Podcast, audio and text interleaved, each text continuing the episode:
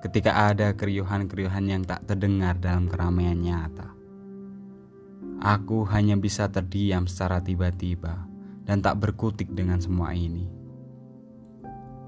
Ada hati yang lebih bekerja keras untuk menghilangkan suara-suara itu.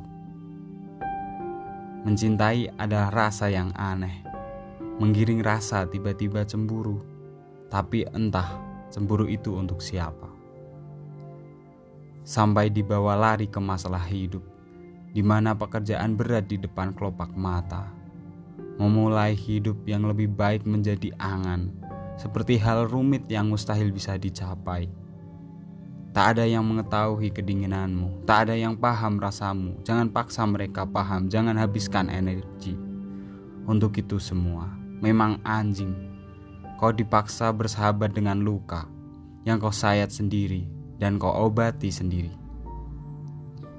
Jika kau sedia membantu untuk mengakhiri kebodohanku, tolong bantu aku. Aku terlalu bodoh perihal mengobati luka yang ku sengaja.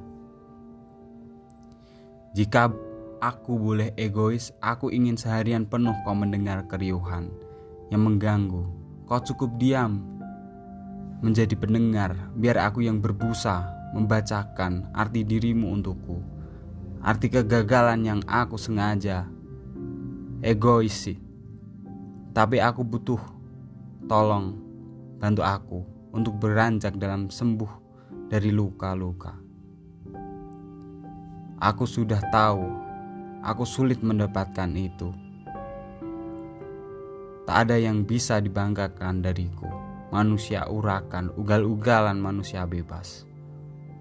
Untukmu aku rela tuk dikekang karena aku ikhlas dan kunikmati, tapi tak mungkin karena aku bukan manusia yang diharapkan. Sampai kapan pun tak ada tempat. His, se-insecure ini aku menghadapi hidup.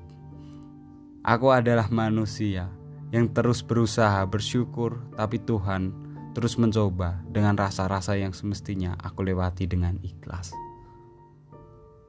Gunung Wuluh 14 Februari